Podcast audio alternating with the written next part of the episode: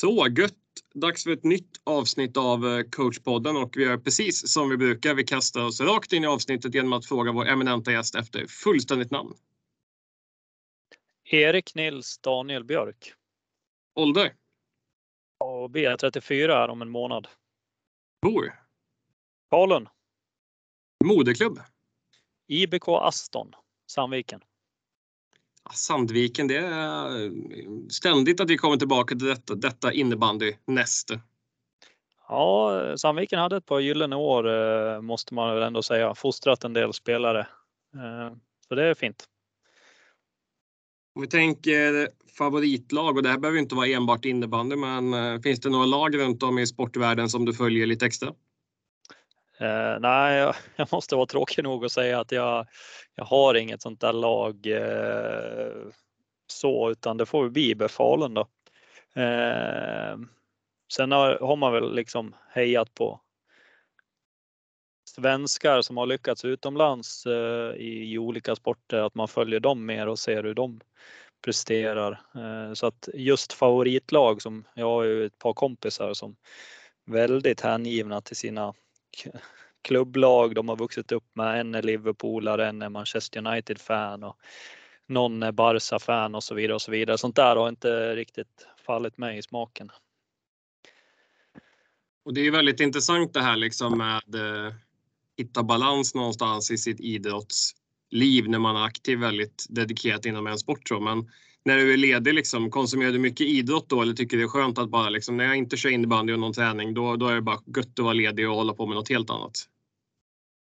Ja, jag är väl, jag är väl mer av den kategorin. Eh, sen försöker man väl träna själv och, och det där har väl eh, ja, det där har väl svängt genom årens lopp. Eh, när jag var aktiv spelare själv så, så var det väl ändå mycket golf på sommaren. Eh, spela en del beachvolleyboll på sommaren. Eh, så här på senare år så har ju paddel blivit en folksport som man själv har ägnat några timmar åt. Eh, sen har det väl blivit mer att man är, man får snart börja betrakta sig som en motionär då. Man går ut och tar en löprunda och åker lite längdskidor när det är tillfälle och sådär. Det är ju ganska intressant när du nämner din egen eh, idrottsbana för du eh, du har ju en egen innebandykarriär som är ganska stark. Du, som du nämnde kommer från Sandviken och sen var det väl spel här i IBF Falun, Linköping, eh, tillbaka till Falun. Det var en sväng ner i Schweiz då också. Ja, precis. Eh, jag gjorde två säsonger i, i Grasshopper där nere. Eh, tyvärr så var det väl bara en säsong jag verkligen spelade. Sen första seriematchen min, mitt andra år eh, var olyckan framme och jag drog korsbandet. Så det var ett år med rea bara. Och när du ser tillbaka på din egen innebandykarriär, liksom, vad, vad känner du själv? Ja, med, med lite med lite distans och, och, perspektiv så får man väl ändå sammanfatta det som att eh, jag får väl vara relativt nöjd och stolt över vad jag har åstadkommit som spelare. Om du skulle beskriva dig själv som, eh, om vi tänker liksom spelartypen Erik Björk var som spelare, liksom, hur, hur, var, hur skulle du beskriva honom? Eller dig själv i alla fall. Ja, eh, teknisk. Eh, sen tycker jag hade bra ja, men spelförståelse. Kunde liksom förutse vad som skulle ske ute på plan. Tyvärr så har man ju aldrig varit riktigt snabb, eh, så man har hela tiden fått försöka kompensera eh, de bitarna då. Och det handlar ju om att kunna läsa spelet och, och, och vara teknisk då istället som var kanske min styrka.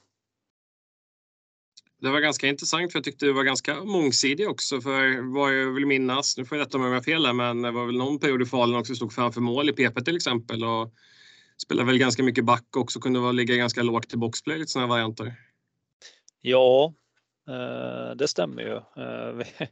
Vi hade ju, ja Falun har ju fortfarande ett fantastiskt powerplay men eh, alltså på den tiden eh, när man själv fick vara med och bidra, jag tror vi hade ett ganska bra powerplay ser man till statistik och konkurrens. Eh, jag, eh, varför jag fick platsen framför mål, det tror jag var att jag spelade där i min ungdom ehm, då när jag var junior i, i Aston eh, och var väl då ja, ganska lyckosam. Eh, så på något sätt så kom det där upp i diskussion eh, då i, i Falun. Det var väl min andra säsong och då tyckte väl Hedlund som var powerplay-ansvarig på den tiden, assisterande tränare, att eh, nej, men du får testa då.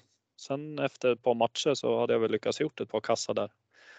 Sen blev man väl mer eller mindre bofast i, i, i slottet eh, ända tills jag lämnade 20, ja, efter säsongen 2013. Då. Var inte Jakob Lundmark som stod ute på en högerfly där också? Var inte, jag för mig att han hade väl någon sån här extrema siffror i PP någon säsong också? Uh, jag skulle vilja säga att Jakob Lundmark är nog uh, en utav de bästa powerplay-spelarna i, i svensk innebandyhistoria.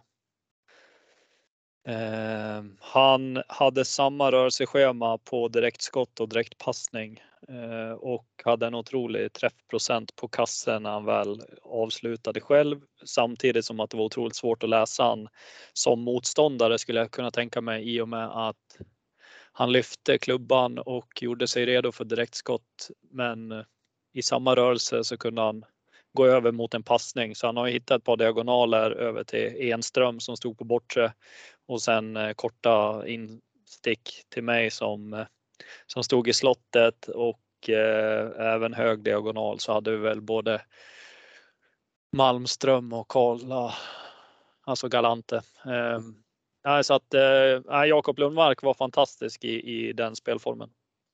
Så just en sån spelskicklig lefter som sätter ihop honom med fyra högerskyttar kan han ju lägga passningar till alla. Det är ju helt, är helt magiskt.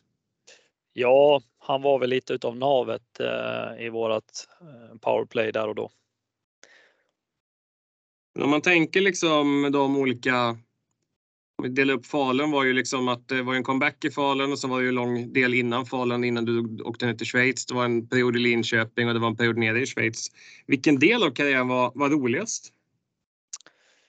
Uh, ja, det roligaste var ju väl absolut uh, resan från att bli värvad till Falun där säsongen eh, vad blir det då, 08 09.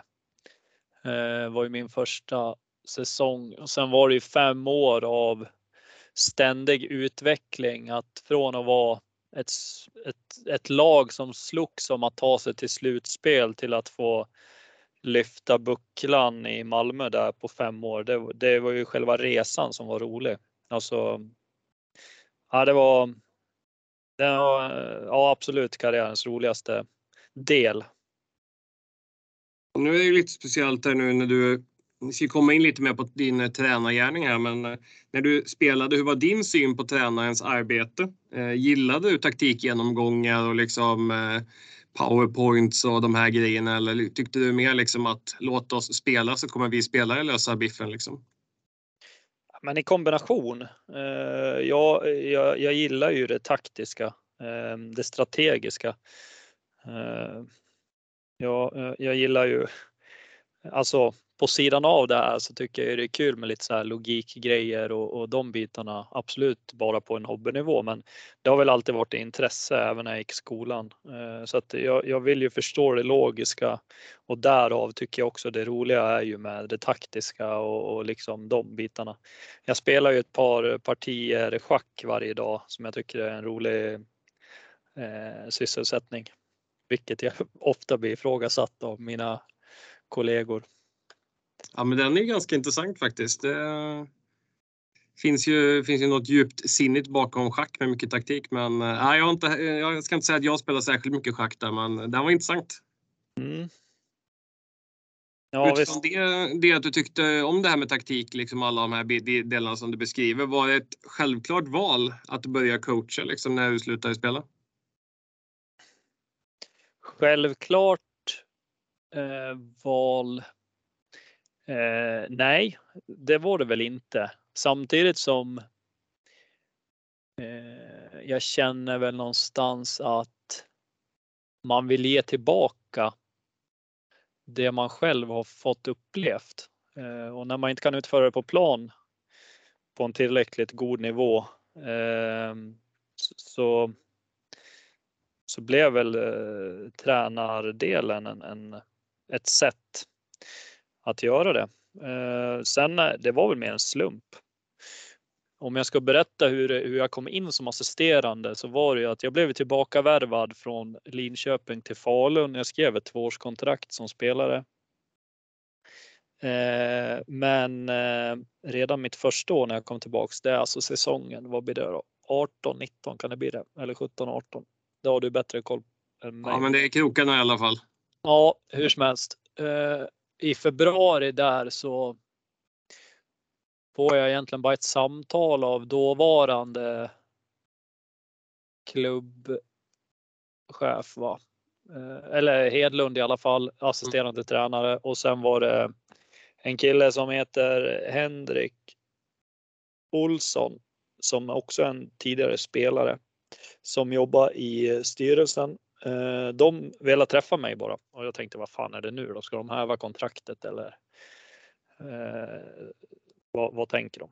Men då eh, på det mötet så kom frågan om eh, och då förklarar de att Hedlund kände sig nöjd med, med sitt assisterande. Han kliver in som sportchef och fullföljer det jobbet fullt ut och sen frågar de om jag vill kliva in i båset och, och vara assisterande tränare till Thomas Brottman istället för att eh, fullfölja mitt spelarkontrakt. Mm. Och då fick man lite huvudbry sådär. Ja, hur ska man tänka nu då? Eh, och jag var väl lite frustrerad av situationen eh, då, där och då som spelare. Eh, jag tycker att jag skulle fått mer speltid än vad jag fick. Jag var ofta sjua där och då och, vi hade ja, Framgångens baksida med ett topplag är ju konkurrenssituationen. Eh, jag kände väl att jag hade mer att bidra på planen än vad jag fick ut, men sen parallellt med det här så var jag färdigstuderad till höst eller till eh, våren.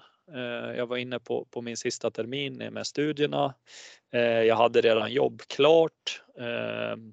Jag och min sambo som flyttade hem, eh, tillbaka från Linköping eh, upp till Falun igen. Vi höll på med eh, renovera hus. Så att det var mycket sådana här andra faktorer att väga in i det här beslutet och då, där och då kände jag nog att det kanske det kanske är läge att ta ett steg tillbaka och lägga klubban på hyllan och, och, och ta utmaningen och bli assisterande. För det är väldigt intressant det här att man inte får något pausår eller sabbatsår liksom att eh, kan jag tänka mig att många vill när man lägger klubban på hyllan liksom bara få vara inte innebandyperson något eller några år liksom. Men eh, tror du att det var en fördel liksom att du inte fick det breaket? Ja, för mig personligen så tycker jag det. Eh, för att jag har liksom hela tiden identifierat mig som en idrottare, eh, specifikt innebandyspelare.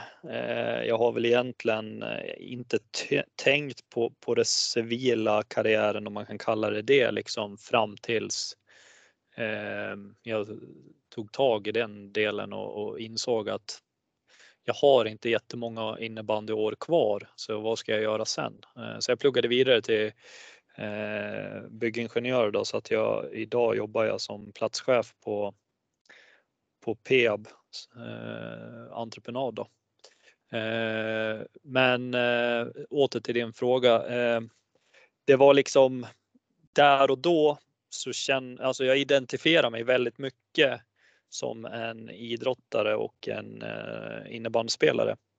Eh, och, och gå ifrån att vara där till att inte ha någonting förknippat med innebandy att göra. Det, jag blev ändå lite så här äh, deprimerad äh, på ett milt, på en, på en mild grad den, när man verkligen var där och då Eh, och det faktum är att nu har jag spelat min sista innebandymatch på elitnivå och det var ju förlusten i, i Globen mot Storvreta. Ja, just det. Eh, så, så det var ju väldigt emotionellt där en, en period efter. Vilket i sin tur ledde till att eh, jag är väldigt glad och tacksam om att fick vara kvar inom ja, dels eh, laget och även få fortsätta, fick även fortsätta jobba med innebandy. Man får ju säga också att eh, om du slutade spelarkarriären med en förlust där så fick ju liksom tränarkarriären en kanonstart med de två säsongerna du var med som assistent. var väl, ledde väl till två SM-guld? Ja, precis. Det första guldet där, det var ju det här coronaguldet som delades ut. Mm. Eh, sen har man väl lite så här, ja, var det riktigt eller inte? Men eh, bortsett från om att vi fick ett tilldelat guld eller inte så tittar man på den säsongen så vi slår alla tiders rekord eh, på antal tagna poäng. Eh, vi slår målrekord. Jag tror vi får stryk en match under ordinarie tid på dem eh, den säsongen. Eh, så att eh, ser man bara till prestationen vi gör den säsongen som lag så tycker jag ändå att vi förtjänar ett guld. Sen är jag fortfarande jävligt kluven till att hur förbundet valde att agera i den frågan att just dela ut ett guld. Jag tycker man ska spela om det. Samtidigt, ja, de delar ut ett guld så det är väl bara att tacka för. Eh, sen andra året, då får vi ju verkligen vinna guld eh, och det tycker jag det var jävligt kul eh, på det sättet vi gör det. Det är ju väldigt intressant också just det här att diskussionen om att ett guld blev utdelat och de andra lagen inte fick spela om det. Där kan man också lägga in aspekten att det är ju egentligen mest synd om er som inte fick spela om det med tanke på vilken fruktansvärt bra säsong ni gjorde. Ja, precis. Det var ju så vi kände också. Eh, och, och alltså den säsongen vi gör där och då. Det hade, det hade liksom bara fått krönats med, ett, med att spela om ett guld. Så. Men eh, ja, tyvärr det kommer vi aldrig få, få sia om hur det hade slutat. Men ser man till den säsongen vi gör som sagt och en förlust på ordinarie tid och, och eh, slår ett par rekord. Eh, mm. Så gör vi en bra säsong tillsammans. Om man tänker just den här övergången då att spela i ett lag till att gå och bli coach. Var det problematiskt på något sätt? Alltså, det var ju saker jag, jag eh, gick och funderade på eh, och framförallt det här, alltså dels så handlar det om att skaffa sig distans emot de här killarna som ena dagen har varit mina lagkamrater eh, och sen helt plötsligt så ska man ja, säga åt dem hur de ska spela. Eh, men eh, jag tycker att vi alla inblandade var, har haft väldigt professionellt och eh, jag tror att många av de här spelarna jag har spelat med en längre tid som ändå är väldigt eh, starka i Falun, både som namn och, och, och, CV och allt möjligt. Jag tycker att alla hade en väldigt eh, proffsig approach till det hela. Att när vi blåste igång träningarna så var jag tränare och de spelare och sen eh, i matchsituationer och, och, och, hela den biten och sen på sidan av så var det fortfarande ja, men ett, ett kompiskap och med glimten i öga och mycket mm. skämt och sådana saker. Så att det gick mycket bättre än vad jag trodde. För det är ju intressant om man tittar på här laget att Eh, nu har väl för mig att Brottman gjorde väl resan också att gå från spelare till ledare på ganska kort period. Eh, du gjorde den liksom väldigt kort, går direkt från, från en säsong till en annan. Wagneryd har ju också en historik som spelare även om han fick eh, kanske några år emellan innan han kom i en ledarroll. Thomas Holmgren har väl gjort en också liknande resa fast varit nere och coachat juniorlaget från att han slutade innan han kom tillbaka till, till herrlaget. här laget. Så det är ju intressant det här perspektivet att det är före detta spelare som kommer tillbaka och coachar. Ja, Eh, det är det ju. Eh, det finns väl både för och nackdelar tänkte jag säga eh, om det. Men som sagt, så länge alla håller det på på en proffsig nivå och förstår sin, sina roller där och då så, så ser jag ju inga nackdelar till det egentligen för alla vi berörda som, som vi pratar om här, det vet ju vad som krävs för att vinna och och vilket jobb som krävs och, och, och den biten. Och det är ingenting man liksom, det är någonting man bygger upp och lär sig över tid. Alltså det, det, det går liksom inte bara plocka in någon bara för att och det är ju bara att kolla på, ja, nu ska inte jag kritisera Hedstål så, men, men jag menar han får ju ett han får ju bokstavligt talat enligt mig eh, den bästa innebandytruppen som någonsin har, har stått på en, på, på en innebandyplan eh, och fortfarande inte får med sig resultat. Så det, det, handlar ju om vad man gör också som tränare tror jag. Eh, och där ser jag ju en fördel med att vi känner individerna. Man vet hur man ska behandla individerna för att få dem att prestera till max. Och dessutom så har vi varit med och byggt upp den här kulturen som det har ändå blivit i Falun. Mm. mm. Nej, otroligt intressant just när du pratar om individer för det är ju ofta någonting man kan känna liksom att det tar ju tid att bygga upp den typen av relation så det är klart att kan du kan du liksom påskynda den processen genom att du har någon som är trygg med gruppen så har du mycket vunnet på, på kort tid. Ja, precis. Sen jag menar Falun står ju ändå i ett. Eh, alltså vi fick ju. Vi byggde ju upp ändå en, en, en stor bas, eh, en, en, ry, en ryggrad och en, en eh, trygghet i truppen under kanske mina år. Om vi snackar då 08 till 13 för tittar man bara lite snabbt på vilka spelare som var där då, då Mattias Karlgren och Jonas Adriansson, de var redan med i truppen när jag kom. Den säsongen jag kom så blev ju Ren, jag, Chia Hayo eh, värvade. Sen en kille som heter Micke Norell, men han försvann ändå ganska tidigt. Men ser man till dem året efter, då får vi ner eh, Jakob Lundmark från Umeå, Rasmus Enström kommer från Västerås.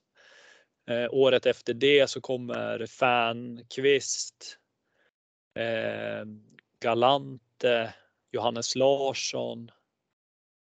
Eh, ja, men alltså spelarna som ändå varit någon form av ryggrad i den här framgångssagan liksom anslöt år efter år där och, och, och liksom har ju varit med nu hela vägen.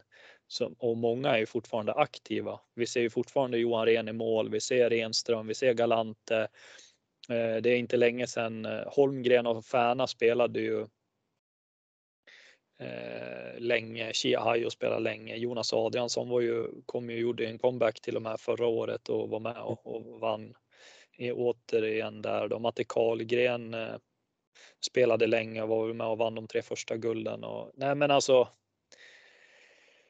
Eh, nu har jag fan varit ute och virra. Eh, och det är precis det vi älskar den här podden, för det är en nördpodd för nördar. Vi ska, gå, vi ska vara ute och virra och hitta detaljer. Ja. Eh, bara följdfråga kom tänka på direkt. Du nämnde Johannes Larsson också. Visst, katten var, är han fortfarande med som material eller var det bara en period han var det? Han eh, var bara med förra året va? Mm. Visst, han eh, har väl egentligen en arbetssituation och eh, de fick ju sitt andra barn så de har ju två barn där hemma nu och sen eh, jobbar ju han som revisorsassistent så periodiserat jobbar han väldigt mycket. Eh, I och med att alla företag ska ha sina bokslut och så vidare under vårkanten här. Så mm. det, det, det gjorde att det blev ohållbart för han att ta åt sig ett uppdrag och kunna vara närvarande konsekvent eh, närvarande. Men just det här du nämnde lite här med liksom ledare och spelare att man behöver ha lite mer avstånd och det blir en naturlig fråga för mig då liksom, som jag tycker är intressant. Det är ju lite här hur man placerar sig på bussen. Satt du längst fram med ledarna eller satt du kvar på din gamla spelarplats eller hur liksom eh, hur funkade det där? Nej, fördelaktigt är att vi alltid har en dubbeldäckare så ledarstaben sitter alltid nere och spelartruppen sitter uppe. Så jag fick ju ärva Hedlunds eh, plats i bussen. Eh, det, det, var den som var vakant när jag kom in. Alla andra ledare hade ju sina platser. Visst, men hur funkar liksom en, en lång resa här efter, efter en match? Är det liksom läge att på bussen snacka någonting om matcherna eller försöker man liksom, nej matchen är slut, vi åker buss hem, nu är vi lediga och så tar vi liksom matchen på träningen i nästa vecka eller hur, hur nyttjar man den busstiden? Nej, alltså eh, vi eh, Alltså jag kommer ihåg som spelare så ventilerar man ju matchen som spelare tillsammans med andra spelare både vid vinst och förlust. Oftast vid förlust var det ju dålig stämning de första timmarna på bussen. Då var det väldigt tyst. Sen, sen fanns det väl lite tid för reflektion och sen efter det så kunde man börja släppa matchen. och nu som tränare under de här åren så har det väl egentligen varit precis samma sak fast från ett eh, ledarperspektiv. Eh, vad vi gör bra, vad, vad gör vi mindre bra, vad kan vi ta med oss, vilka detaljer ska vi fortsätta jobba med och så vidare och så vidare. Hur var känslan i gruppen och ja, och, och, och ja, det pågår ju. Det är skönt att kunna få, alltså, ha den tiden på bussen ändå, liksom stänga matchen och, och ta med sig några nycklar eh, för att sen kunna jobba vidare därifrån.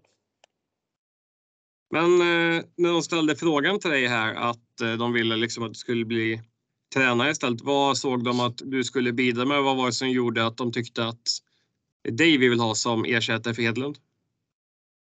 Jag tror på något sätt att jag har ju liksom hela tiden, eh, det här blir ju lite tillbaka till din fråga med just det här med detaljer och, och, taktik och teknisk utveckling och eh, taktisk utveckling och de bitarna.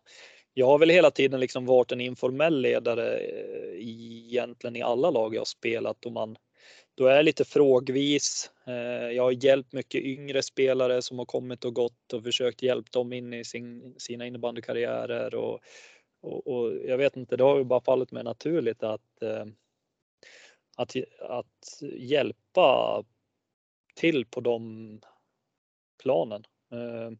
Plus att jag är väl en ganska verbal kille i, i, en, i ett lag sådär. Ehm, så de kände väl att det var väl det som jag kunde få fortsätta med, men från ett tränarperspektiv.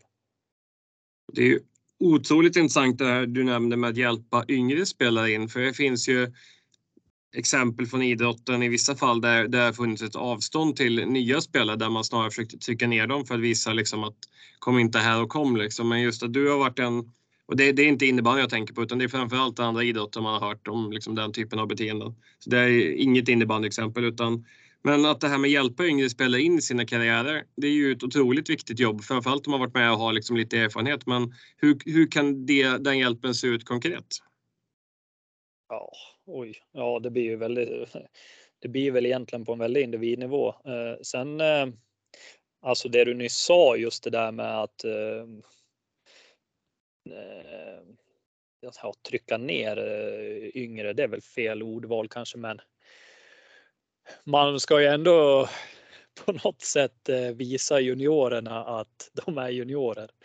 Eh, det tycker jag hör lite till naturens gång. Eh, man har själv varit den där junioren som har fått varit västansvarig och plocka bollar och bygga extra mycket sarg och så vidare och så vidare. Sen eh, rent eh, spelmässigt så det, det det handlar om egentligen för de här juniorerna som kommer upp och det, det är att de får en förståelse om att de behöver göra sin egen resa för att kunna ta en plats. Det är tyvärr ett juniorfenomen är att när de har fått chansen att komma upp i ett A-lag eh, så är de liksom nöjd och tycker att mm. de är där de borde vara och sen börjar de liksom varför får inte jag förtroende? Varför får inte jag spela? Varför får inte jag? Och de har liksom ingen tålamod och, och förståelse för att det krävs att tar du dig upp framförallt i IBF Falun som är enligt mig som sagt kanske världens bästa lag som någonsin har stått på en innebandyplan den här säsongen. Det är ju en ynnest som junior då att verkligen få komma upp och känna på det. Men sen måste du även förstå svårigheten att ta dig in i den truppen och ha ett långsiktigt tålamod och du behöver ju som junior göra allting extra noga för att ens kunna närma dig en spelplats. Och det är väl där man behöver hjälpa de här både mentalt men även tekniskt och taktiskt liksom. Det kan vara allt ifrån att vrida upp kroppen i det här läget så att du får en bättre blick vad som sker. Eh, tänk på att du inte har tre touch på dig här utan du behöver kapa ner den. Få bort den tredje touchen, att du behöver göra det här momentet på två touch för att det ska bli flyt och för att du själv inte ska sätta dig i dåliga, en dålig sits. Och, eh, ja, men mycket så att ja, tempoväxla löpningar. Eh, alltså, ja, det är svårt att säga mm. exakt, men det blir ju liksom, det blir ju ändå varje individ, det blir ju något personligt att coacha dem, för de kommer ju med olika förutsättningar. Jag tyckte du lyckades konkretisera väldigt bra på en väldigt svår och filosofisk fråga. För ju som du sa, det är ju unika individer vi jobbar med. Så att den, den ena lösningen är ju inte liksom per självklarhet den samma lösning för nästa person. Nej, men det, så är det ju. Men eh, i oktober 2021 så, för du gjorde ju två säsonger i herrlaget. Sen från i höstas då så är du tränare för, för damlaget. Eh, och du kom väl in, var det under säsongen va? Ja, precis. Eh, damerna hade väl en tung start eh, resultatmässigt. Eh, de vann väl en match på de fem första. Mm. Eh, och sen var det väl en mellanperiod där Johanna Holmbom eh, klev in som, som tränare under två matcher och det var ju Täby hemma och Lund borta. Eh, och där lyckas de ju slå eh, Täby hemma och sen tar, fick de med sig en poäng Lund borta. Eh, och där på fredagen, in, de spelar Lund borta en lördag och på fredagen tackade jag ja till uppdraget. Så man kan väl säga att från och med första november har, har jag varit huvudtränare hos damerna. Då. Och eh, vad var det de såg att de kände att här vill vi ha in Erik för att han har de här egenskaperna? Eller beskrev de någonting vad, vad han ville tillföra? Nej, alltså inget konkret så, men de. Men I och med att jag har varit i föreningen eh, sammanlagt. Vad blir det? Åtta år, nio år eh, mm. innan så visste de ju vem jag var. De vet mina kunskaper innebandymässigt och, och vem jag är som eh, ja, men vad jag har för ledarstil och de bitarna. Så att jag tror att det var väl att de kände att Eh, helt enkelt det behövs något nytt och, och, och, de trodde att jag kunde göra ett jobb med damerna för att få dem att utvecklas. Mm. Jag tyckte också det var väldigt eh, proffsigt hanterat måste jag säga som utomstående också just kring eh, de intervjuer jag läste med Daniel Dahlberg som var tränare innan just att han har lagt ner så mycket kraft och energi i sin dubbla roll som sportchef. Nu citerar inte jag någonting utan nu återberättar jag bara mina tankar. Men att han har lagt ner så mycket kraft och tid genom åren att han kände att lite att energin var slut och det var dags för något nytt. Så jag tycker det var väldigt snyggt skött också av föreningen hur man liksom gick igenom den processen. Mm. Ja, där har inte jag någon insyn alls i vad som hände utan ehm, jag kan bara instämma med vad du säger. Ehm, eh, jag blev tillfrågad och sen. Ja, där startade min process och mina tankar. Spontana frågan då blir ju liksom vad, hur upplever du skillnaderna från att vara huvudtränare och eh, assistent som du var tidigare? Jag tycker inte den är eh, så stor. Eh, det är klart att jag har ett större helhet. Jag, har, jag behöver jobba med lite mer en, en större helhetsbild såklart och, och jag har ju ett helhetsansvar på ett annat sätt. Men jag vill säga att när jag hade mina två år med Brolle så han var ju han var ju väldigt duktig på att inkludera mig och gav mig mycket ansvar redan där och då. Eh, för att ta det lite kort. Vi hade fyra träningar i veckan jag ansvarade för två av dem, Brolle ansvarade för två av dem. Eh, och sen fick jag powerplay-ansvar medan Brolle hade boxplay-ansvar så vi delade på special teams. Sen eh, inkluderade han mig väldigt mycket vad det gäller spelet med boll, eh, taktiska ytor och, och, och, taktiska detaljer och tekniska detaljer på spelet som helhet. Och sen hade väl fortfarande Brolle huvudansvaret eh, och, och drog riktlinjerna och ramarna och sen fick jag jobba innanför dem så. Och sen eh, var det han som stod som ytterst ansvarig när det gäller att coacha laget och ta ut en start, ett startlag, men hela tiden i samråd. Så jag har känt mig väldigt inkluderad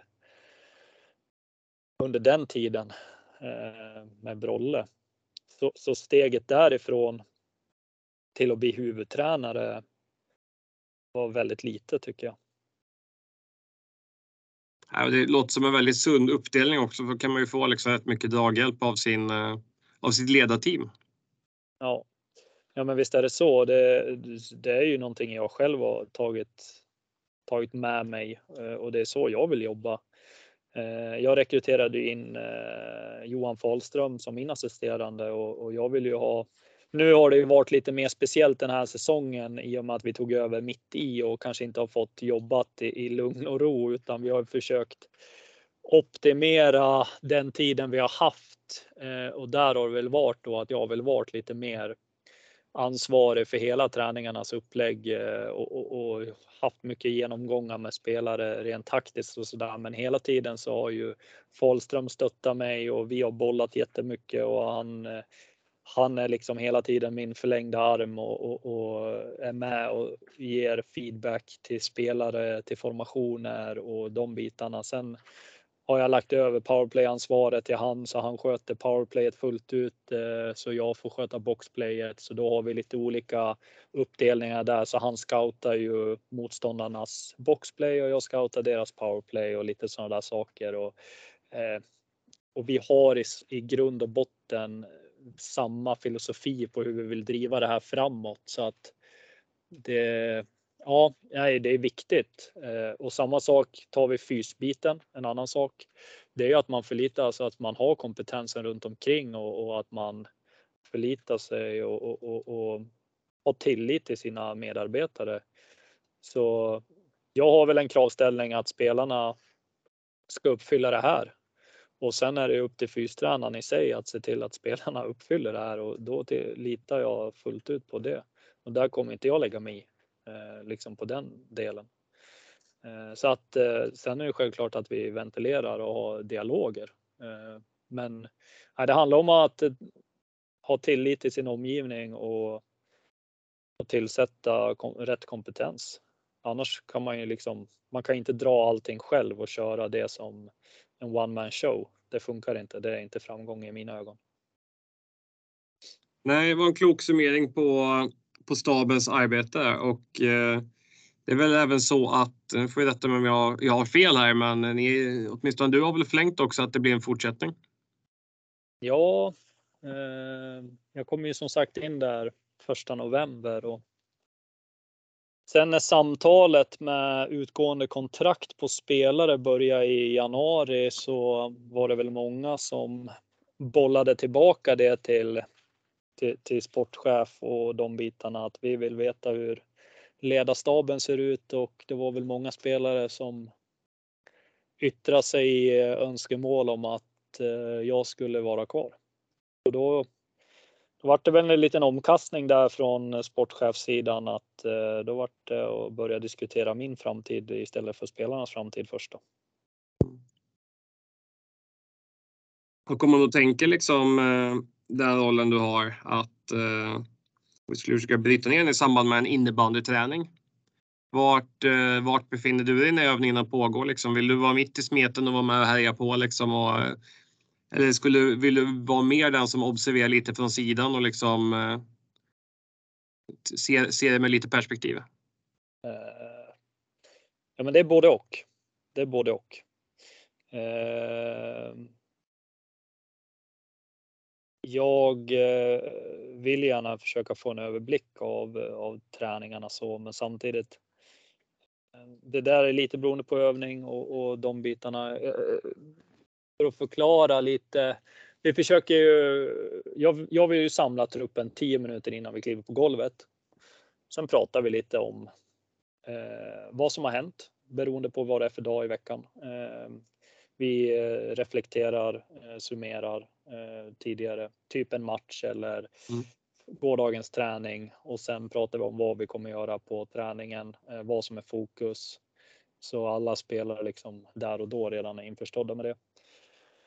Sen när man ritar eh, övningarna på tavlan där ute så eh, vill jag ju, då, då är jag inte aktivt på planen så utan då står jag ju med sen och tittar lite och sen ger man feedback och, och de bitarna och sen ser det allt för jävligt ut tänkte jag säga. Då får man ju blåsa av och gå in och rätta till det man vill få tillrättat och så där. Ehm, och samma sak när vi spelar matchen på träningarna. Då, då brukar jag och Falström eh, dela lite på, på rollen med att blåsa byten eller de bitarna så att man kan gå runt och ge feedback och eh, ja, men samla formationer och de bitarna.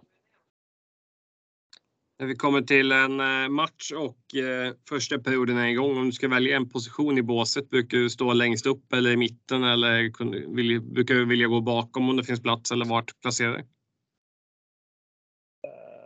jag står högst upp jämt. Eh, jag vet inte, det har blivit så.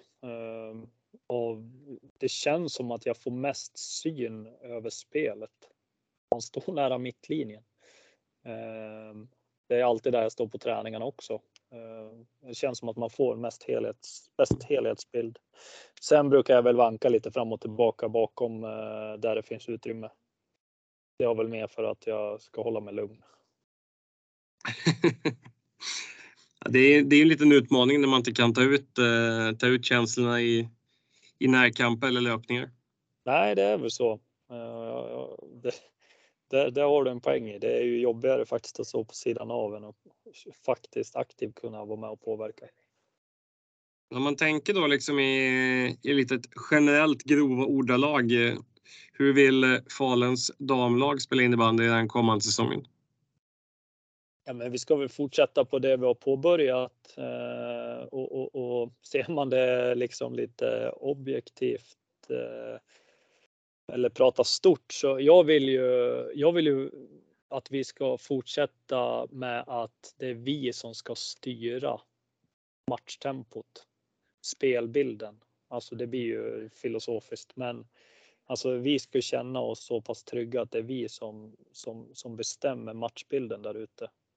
Med det sagt så behöver det inte vara att det är vi som ska äga bollen hela tiden. Eh, men det är ett sätt att äga matchbilden kan också vara att man aktivt går på snabba avslut för att sedan ligga i försvar för att man kanske möter ett lag som är lite naiva med spelet med boll och eh, sårbara med sårbara i omställningslägen. Det kan även vara så att vi ska äga mycket boll för att ett lag som har svårt att försvara på egen plan halva och så vidare och så vidare. Så att där tycker jag ändå någonstans att vi har vi har påbörjat en, en fin resa tillsammans eh, och jag är helt övertygad om att vi kommer ta nästa steg tillsammans nästa säsong.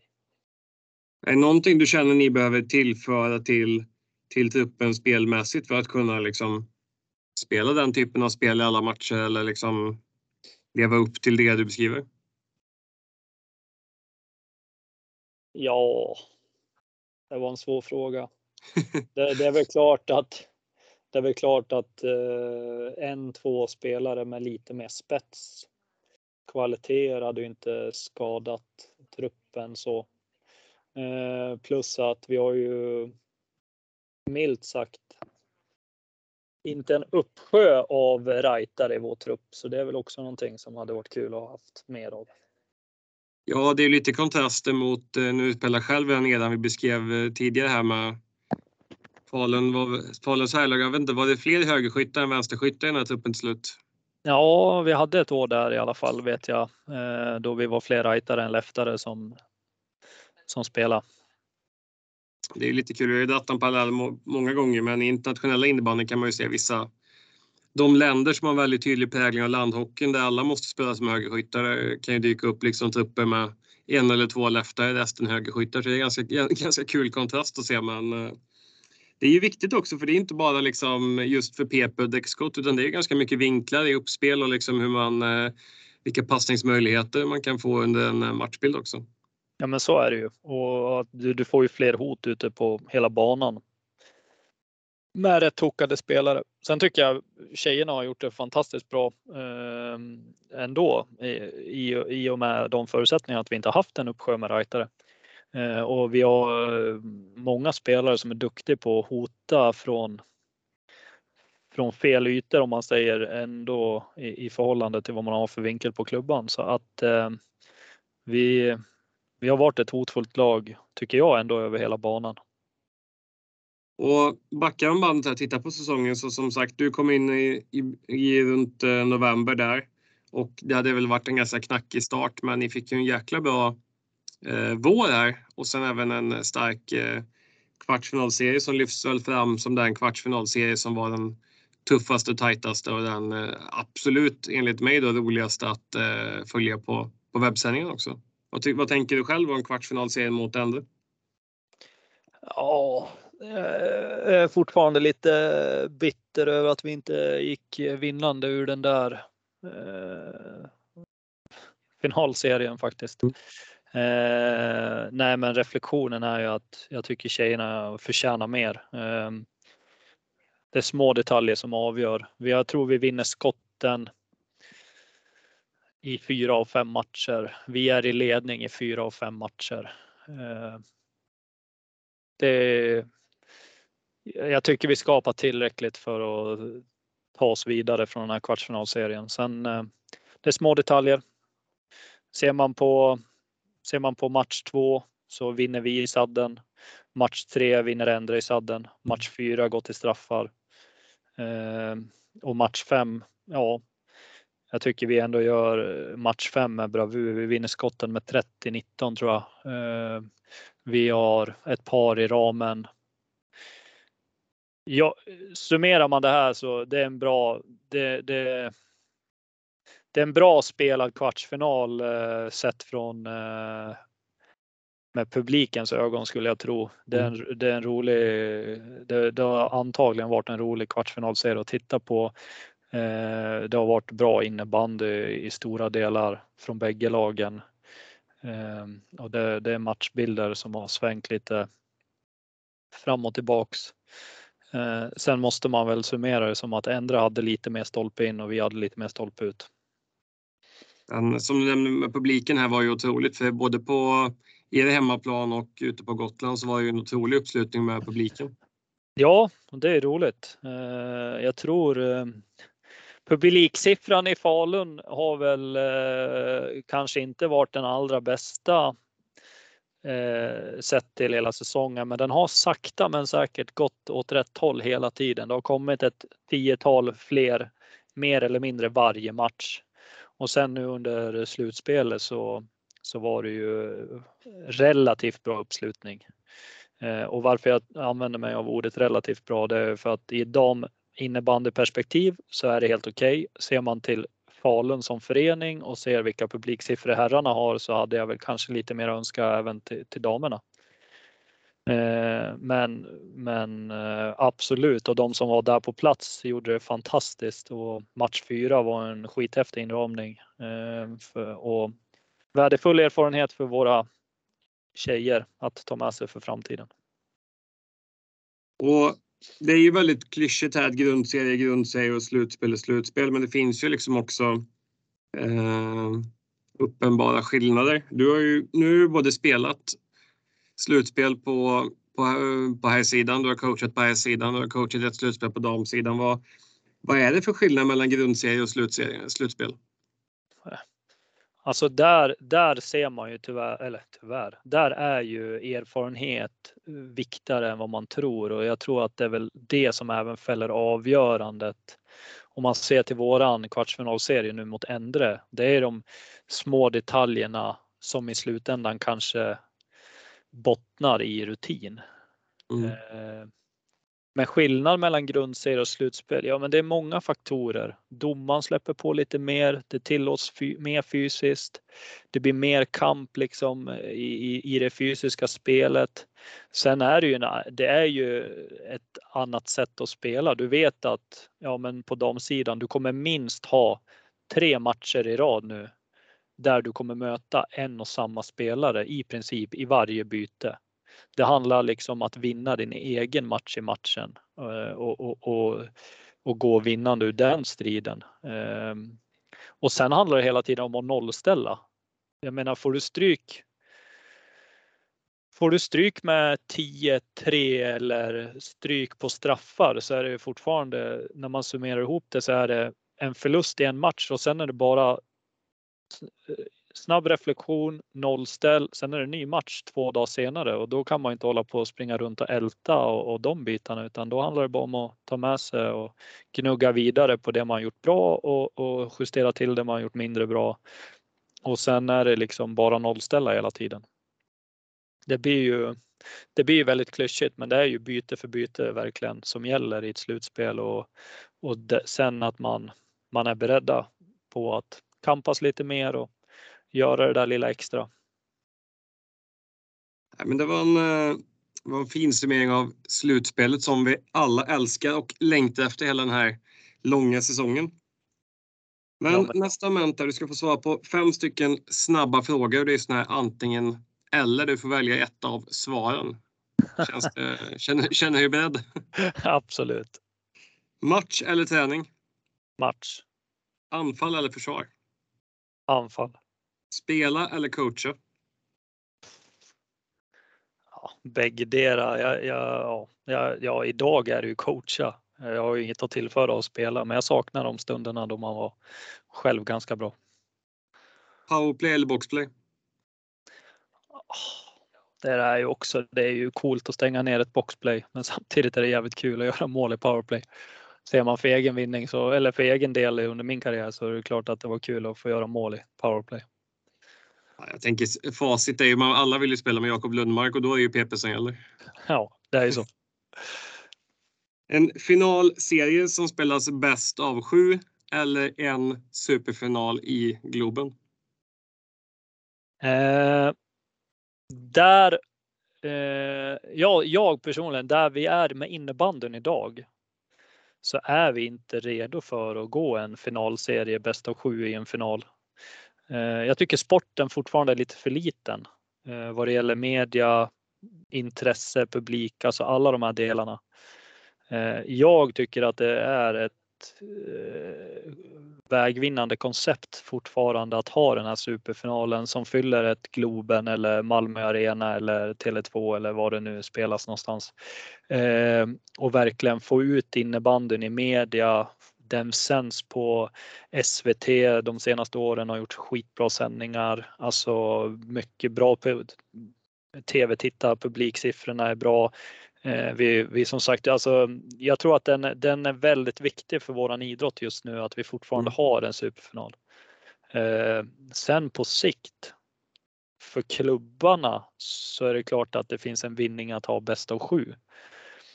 Men eh, och för att få fram sportsligt det bästa laget så är det också mer sportsligt att spela en bäst av sju serie. För då, då är det inte slump som avgör. Då är det liksom det bästa laget. Vinner man fyra av sju mm. matcher, mm. då har man ju bevisligen varit det bättre laget.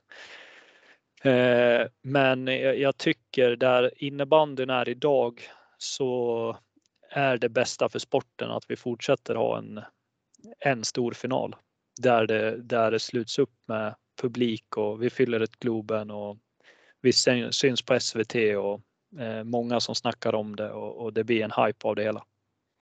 Jag tycker det var skönt också just det här, läste på Twitter igår, att man vet att det är vår när debatten om SM-finalen börjar blossa upp. Ska den spelas bäst av sju på hemma, klubbarnas hemmaplan eller ska den vara i Globen?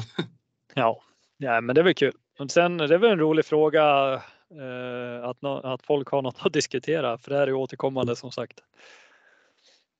Och sen annars var det väl inga jättekonstigheter. Just eh, powerplay boxplay fick du ändå reda ut lite under, under gången där liksom. Och spela coach är också en sån eh, klassiker att eh, kan tänka mig att det, man längtar tillbaka till stunden när man spelar. Men det jag funderar på just när man har spelat på SSL-nivå.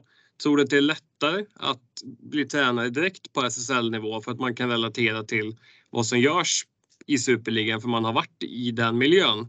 Är det en lättare övergång att gå direkt det steget eller liksom, är, det, är det att föredra att kanske komma ner till någon annan nivå, typ att coacha ett juniorlag eller något äldre ungdomslag? No, bra fråga. Jag eh, såg väl inga hinder för mig personligen i alla fall att kliva direkt in i ett SSL-lag. Eh, Sen är det, alltså det blir också väldigt individanpassat. Sen mm. är det ju framförallt så är det olika miljöer. Du har ju ändå liksom ett annat uppdrag om du ska coacha ett juniorlag eller om du ska coacha ett eh, division 1-lag eller sådana saker. Eh, med det menar jag liksom vad är, vad är huvudsyftet med din coachning i ett mm. juniorlag? Eh, ja, det är väl egentligen då att föda fram kommande SSL-spelare. Eh, detsamma i division 1 till exempel. Det, det är många division 1-klubbar som eh, kanske drömmer om att gå upp i allsvenskan och kanske på sikt absolut bli ett SSL-lag. Men men där och då så handlar det ju om spelarutveckling för att hjälpa de här spelarna med ambitioner att ta nästa steg i sin karriär. Medan är du på SSL-nivå, absolut så är det en faktor att du ska hjälpa individer att utvecklas. Det är ju, det är ju ett måste för att nå framgång. Men i slutändan så handlar det om att vinna. Och då handlar det om att bygga en kultur där man ser till att vinna.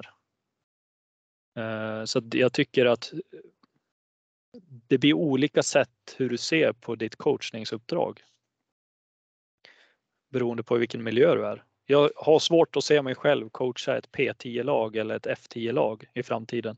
Nu fick jag en dotter där i höstas så jag kanske står där om tio år i hennes bås men eh, jag har ju svårt att se mig själv stå där för jag har inte den pedagogiska ådran att dels jobba med ett eh, ett gäng individer som inte är där dedikerat för sin idrott utan mer är där för kompisar och mm. tycker att det är kul. Alltså den, och där avundas jag ju, alltså jag, jag är ju väldigt imponerad av de föräldrar och de tränare och de coacherna som verkligen gör det här för, för sina barn och de här barnen. Eh, eh utan dem så hade vi inte haft någon idrott. Men jag själv har nog svårt att kunna förlika mig med att vi är här för att ha kul. Kul har man när man vinner. Eh, och jag vill kunna ställa krav på mina spelare att vi är på elitnivå och det är här som krävs för att vara på elitnivå. Eh, ja, det är en svår, det är en, en rolig fråga, svår fråga. det är sådana frågor vi älskar. Eh, nästa variant här, du ska få sätta upp din egen drömuppställning och här har du ju helt fria händer om du vill ha spelare du har spelat med eller som du har coachat eller om det är spelare som du önskar att du hade spelat med eller om du bara vill sätta ihop liksom ett gäng som du tycker att de här är jäkligt bra. Eh, och det är ju fritt för dig själv att sätta ihop någon taktisk disposition. Förslagsvis är ju en målvakt, fem utespelare och sen om du vill ha någon eventuell ledarstab kring det hela. Ja, precis. Eh, ja, det är också en svår fråga.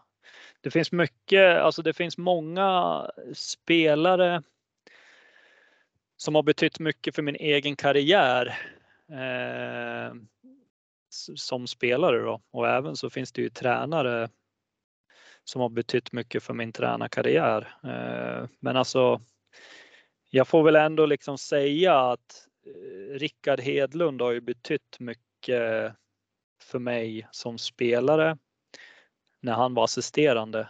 Eh, så han vill jag ha i båset. Eh, och, och, samma sak egentligen Brolle, för jag hade ju Brottman de två, mina två första säsonger när jag kom till Falun. Mm. Eh, och, och, det var ju verkligen där min spelarkarriär tog fart på riktigt. och det var ju Brolle som gav mig mycket av förtroende och han vägledde mig med med detaljer och, och, och, sättet att se på saker och ting både på sidan av innebandyn. Eh, så där fick jag mycket hjälp av han där och då. Sen har ju eh, Ja, så det får ju bli dem i, i båset då. Sen får man väl sitta själv lite på i, i båset på, på något sätt då. Men eh, ja, spelare med alltså det är också väldigt eh, svårt eh, så. Eh, det, alltså en spelare jag skulle vilja ha med det är ju Mika Konen i Prime. Eh, dels vad han har betytt för sporten eh, men sen den, det, det sättet han spelade innebandy var ju mm. skitkul att se. Eh, sen var ju han liksom en, en idol när man var yngre. Alltså, jag är ju född 88 jag blev uppflyttad i Astons A-lag på riktigt när jag var 16, det vill säga säsongen 04. Det var ju även då man började eh, börja liksom titta på, på SSL som på den tiden hette Elitserien och jag menar mm. där var ju Mika Kone ett affischnamn men det fanns ju många affischnamn. Det fanns ju Helgård i Pixbo var ju fantastisk att titta på. Christian Hellström. Eh, Brolle var ju riktigt bra på den tiden. Eh, sen hade du den här Varbergs-eran eh, som tog fart där. Gide såklart. Ja. Men alltså ser man ändå till, jag tycker alltså innebanden har ju utvecklats enormt och, och jag gillade Alltså Enström har ju betytt mycket för mig som spelare han kom ju in då redan i mitt andra år i Falun var ju hans första. Sen har ju vi liksom kamperat ihop på något sätt och vi har alltid liksom tävlat och sporrat varandra där i början och eh, när Enström var i sin prime där. Eh, han har ju varit i prime länge, men alltså jag tänker där när han vinner poängligan och han, han gör vad han vill med bollen. Han har tre, fyra spelare som hänger runt han och fortfarande bara står och, och håller bort spelarna och dribblar på små ytor och hittar en passning bakom ryggen till en fri på bortre eller går in själv och nyper upp han. Alltså, den Enström vill jag ju ha med i en drömfemma. Men han, känns, han känns given där. Ja. Eh, sen, eh, jag har ju själv aldrig spelat riktigt med Emil Johansson i Prime utan han kom ju han kom ju i januari till oss 2013 där och var med och vann första guldet. Men då var ju han på, på, mer eller mindre på lite sidan av och spelade väl. Jag tror han startade som center i tredje femman eh, och sen blev han eh, bortplockad när vi gick ner på folk. Eh, men alltså det han visar upp nu och har visat upp de här senaste 6-7 säsongerna är ju, är yttersta världsklass. Eh, så han vill jag ha med. Eh, en annan back som jag tycker eh, är fantastisk eh, och jag har spelat med både ett student-VM då vi gick som backpar i Singapore och sen mina första två år i Linköping är Tobbe Gustavsson och där spelade vi också tillsammans. Och han kom ju från Balrog tror jag till Linköping och, och, och, kom med i studentlaget där. Han hade liksom inte riktigt visat upp sig för innebandy Sverige på den tiden, för det här är ju alltså student-VM 2014. Mm. Eh, men jag blev ju sjukt imponerad av, av det jag såg där och då och kände väl att det här, det här kan bli någonting. Eh, och jag tycker vi hade en bra kemi där och då och det han har vuxit fram till nu och vi ser hur han avgör VM-finalen med det och, och, vad han betyder för Storvreta idag är ju Ja, eh, så jag hade velat satt eh, Emil Johansson och Tobias Gustafsson som backar då.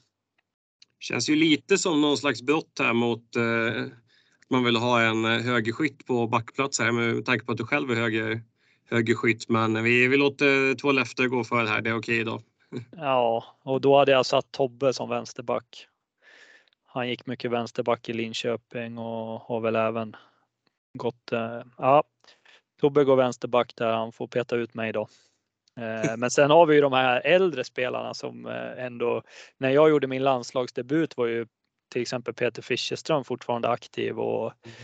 Eh, han var ju en jävligt rolig lirare, både alltså skön personlighet på sidan av och eh, fantastiskt duktig på plan. Och, eh, du har ju den där generationen som ändå jag hann uppleva lite. De var väl på ålderns höst, men fortfarande vara med. Men eh, jag, jag, jag väljer att gå på, på, på de aktiva spelarna idag.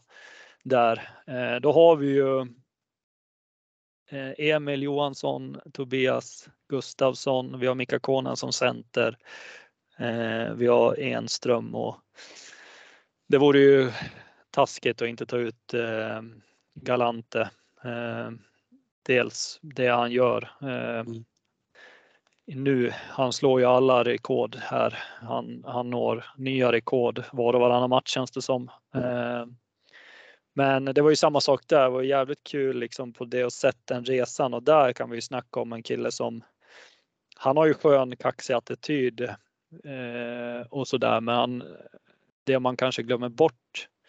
Han har verkligen lagt ner jobbet för att ta sig dit han är. Eh, och han lämnar inte heller någonting åt slumpen. För när han kom från Västerås till Falun så han kom eh, första året där, han tog inte plats på två formationer. Jag tror knappt han spelade det slutspelet. Det var ju första gången vi tog oss vidare. Vi slog ut AIK på straffar i match 5 borta i Solnahallen. Eh, jag tror Karla knappt hade slutspel det, vad heter det, speltid det slutspelet. Eh, och jag tror folk glömmer bort det att han har ju också verkligen gjort en resa. Eh, och han är ju utan konkurrens Sveriges bästa målskytt genom tiderna, vilket han har bevisat. Men man ser ju även på vilket rörelsemönster han har och eh, hela den biten. All, jag skulle vilja säga att alla i hela innebandy Sverige vet vad som man kommer göra och ändå gör han det och gör mål. Mm. Eh, vilket är lite komiskt på ett sätt. Det är liksom, det är roligt att se. Eh, och sen, eh, ja, det är väl de fem då. Ja, målvakt är det ju såklart. Ja, om du vill in plocka målvakt och så kör med en extra utespelare. Det är också ett eh, Ja, men eh, ja. Eh, en målvakt som jag tyckte var jäkligt cool och jag har fått spela mot han och även gjort någon landslagssamling med och, och de bitarna. Det är ju Ramsin. Eh, det var ju en liten udda filur men eh, jag tycker att han han var väldigt tidig med igångsättning, snabba igångsättningar och sätta bollen på, på höga fickan för att mm. få spelare i fart och han var ju en otroligt duktig målvakt. Eh, på alla sätt och vis. Och, eh, jag väljer faktiskt att sätta in eh, Daniel Ramsin ettan va? Eh, ja, men det är ett spännande val för det var ju liksom en lite ny målvaktsstil när han kom fram och det kommer ju sådana med jämna mellanrum som eh, bryter lite mönster och skapar en ny trend. Ja, och jag tycker väl att han var väl bland de första målvakterna i alla fall att just spel, alltså igångsättning av spelet från räddad boll till att bollen är igång.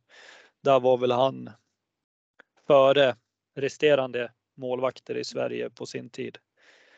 Eh, och nej, jag gillade han. Eh, han var cool. Nej, men det var en, eh, var en härlig uppställning med en eh, god ledarstab så det hade ju varit kul att sätta sig och se dem spela lite innebandy vid något, något gött tillfälle. Mm, verkligen. Eh, och där har du ju också ett, en uppsjö av spelare som de är ju inte fast på sina positioner. Jag menar, vi ser väl det i dagens innebandy, framförallt på, på Faluns här sida. Eh, tittar man på deras första formation så har du Emil Karlentun idag tillsammans med Emil Johansson. Och mm. De är ju nästan mer på offensiv planhalva än vad Johan Samuelsson som är center och, och ja, beroende på lite vem forward de har där inne. Men nu de här senaste matcherna så har ju Abbe som vi kallar han, Emil eh, Lundmark gått och det är fröjdigt att se. Det är mycket platsbyten och och de tar för sig. Jag tänker att i den här uppställningen så har vi sett eh, på prov att Mika Konen på Storvreta storhetstid gick ner mycket och spelade point och stod där och dikterade uppspel och, och fick Matte Samuelsson i fart och de bitarna och Rasmus Enström gör det. Eh, vi har till och med haft han som back mm. Eh, i Falun. Eh, Emil Johansson som sagt offensiv kraft. Det är, väl, det är väl egentligen Galante som mer eller mindre inte går hem som point och eh, Tobbe Gustavsson som, som inte rör sig som en forward riktigt fullt ut utan han är mer genombrottsback. Han sätter accelerera, slår sin gubbe och sen kommer det ett avslut eller något. Man ser sällan Tobbe uppe i anfallszon i etablerat utan då håller han sig på sin backplats. Så att jag tycker att jag har fått ihop en bra uppställning med, med, med spelare som kan röra sig på stora ytor. Men det, det har du sannoliken och eh, med denna kloka uppställning så är det väl dags att summera avsnittet och ett eh, stort tack Erik för att du har tagit dig tid att medverka i coachpodden. Ja men tack själv, roligt att jag fick frågan.